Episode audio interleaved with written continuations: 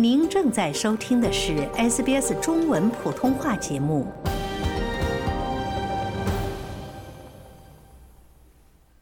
在现代社会，孕妈妈的产前、产后护理越来越受到人们的重视了。此前，圆桌健谈节目当中介绍了孕期以及产后物理治疗以及普拉提运动的一些专家建议及注意事项。但您知道吗？脊医也可以通过专业的脊骨神经治疗。为孕期及产后的女性朋友们保持健康带来帮助。孕产期看脊医有什么帮助？又有什么注意事项呢？本期圆桌健谈节目，澳大利亚注册脊医尹医生将为您详细解答。孕妈妈在怀孕的时候最常遇到的或者比较关心的问题，比如说孕期的这种腰背痛啊。呃，像腰椎间盘突出或者膨出，对不对？很多妈妈在怀孕之前就会有这种长期的颈椎侧弯，啊，包括这种孕期的时候你的体态变形加剧的这种颈椎病，对吧？除了这些体态的问题之外呢，脊医呢也会通过一些治疗来帮助妈妈提升这种生产体验。嗯，对，嗯，很多时候大家其实对于澳洲的这个生产。总是关心说她的剖腹产这个体验会比较不错，但其实更多的时候，呃，不管是 OB 也好，midwife 也好，包括 Carol 也好，其实大家都是有一个共识，就是说，对于一般的生产，其实顺产对身体造成的影响和伤害其实是比剖腹产要小的，所以我们更多的是帮助妈妈进行一个 birth ready，也就是说准备生产的这么一个呃治疗。对，嗯，我们锦医的治疗是怎么样可以去帮助妈妈们去？提升这个顺产的体验呢？嗯，比如说一次顺产离不开我们身体的一个完美的配合。咱们的身体就像一个呃工厂一样，不同的地方需要不同的部门有不同的这个配合。哎，大脑呢需要根据我们的这个周身神经的反馈来指引子宫将孩子推出，骨盆呢也需要根据孩子的体位进行调整，让孩子能够顺利的通过。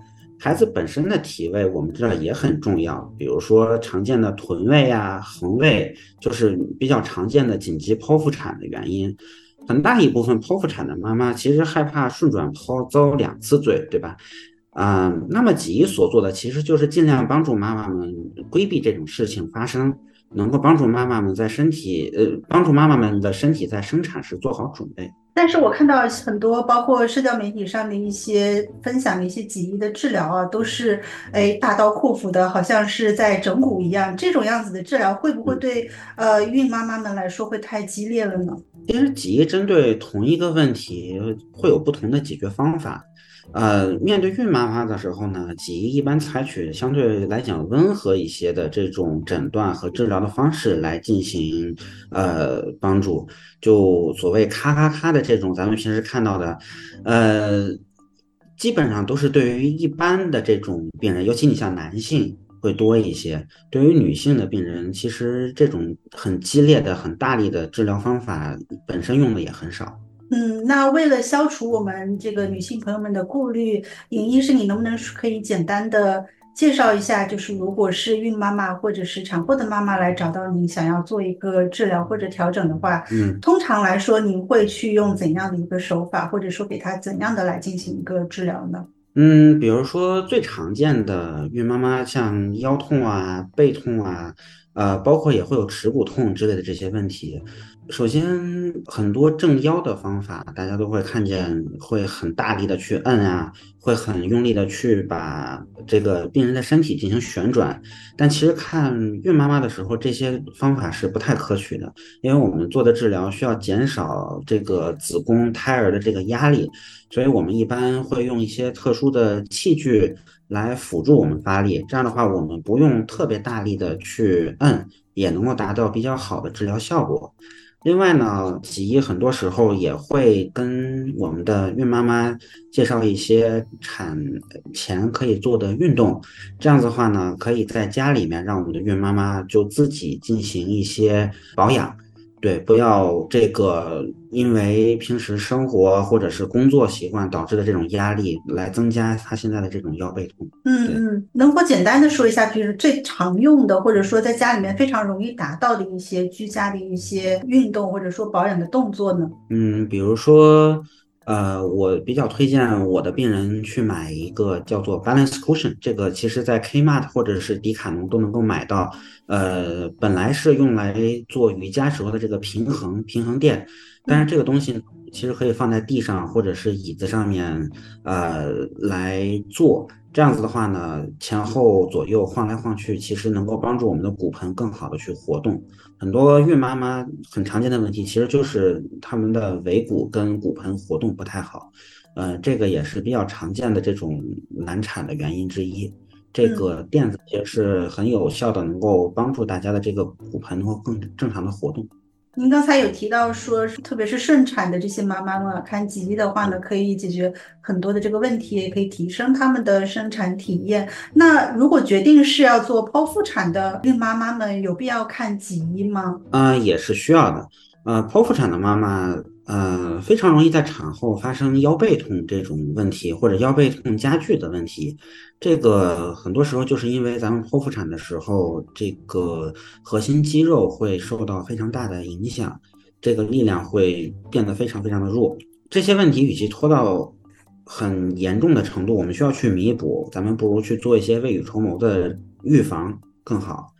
另外一个呢，就是很多因为骨盆或者胎儿体位问题导致的剖腹产，前期肯定是会给骨盆，呃，像髋关节还有耻骨联合造成很大的压力的。那么产后的痛症加剧也是非常常见的。那么这些问题就是我们在产前可以进行干预治疗，预防更严重的情况出现。嗯，那如果说包括顺产和剖腹产的妈妈们，他们在产后。确实实实在在的，由于身体受到一定的损伤的话，脊医可以帮他们做一些什么呢？生产的损伤其实更多的是在于骨盆的这个关节拉伤、耻骨联合的这种拉伤。那么这些方面的康复，其实脊医做的更多的是在于帮助他们进行韧带的恢复，然后帮助这个肌肉去学会发力。这个其实就和呃。理疗也就是 physio 的这个观念比较相似，就是说，呃，要让身体恢复到它本来的活动方式。这些损伤其实只是表面的损伤，我们要看的更多的是怎么样让病人恢复到正常的。呃，生活功能去。嗯，明白了。那包括您说的是孕期，然后包括产后一系列的问题，其实呢，看脊医都是可以去帮助去做一个治疗和解决的。那既然看脊医有这么多的好处，那我们孕产妇什么时间开始看脊医会比较好呢？嗯，如果你一直接受呃脊医的治疗。就是在怀孕之前就接受治疗的话，那么你其实，在知道怀孕后就可以进行和你的脊医进行沟通，按照你的脊医推荐的时间进行治疗和保养就好。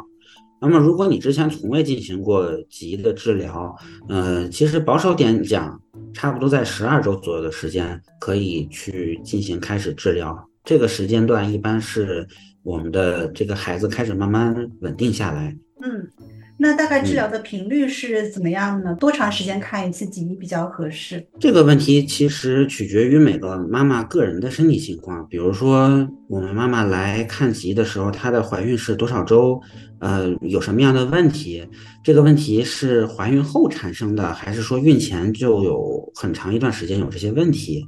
对吧？孕期呢，我们的妈妈是否还在工作，做什么样的工作等等，这个都会影响到对于这个治疗计划的这个规划。呃，你的脊医呢会根据你的问题以及你平时的生活工作情况进行评估，给予你最佳的治疗方案。那其实脊医的话，是所有的脊医都可以给孕妈妈或者孕产妇来进行一个调整治疗吗？嗯，其实孕妈妈的这个治疗，呃，脊医毕业之后是可以去。去做调整的，但不是所有的集都喜欢去看孕妈妈，主要是因为看孕妈妈的同时，除了集本身的这些知识之外，还涉及到一些，比如说像孕产呀相关方面的这些知识，呃，这些东西在大学是学不到的啊。那么很多脊医会对于看孕妈妈有一定的顾虑，比如说可能会造成胎儿的一些问题，或者造成妈妈的一些问题。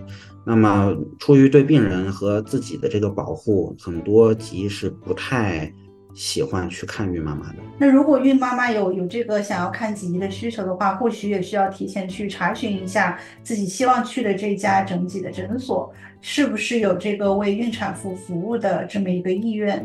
对。嗯，很多做孕妈妈的治疗的这种脊医诊所会在诊所上面写出来，比如说自己有，呃，某一些学位，呃，学习成果，或者说他们的诊所确实是针对孕妇和宝宝进行治疗的这种文字，他们会表现出来。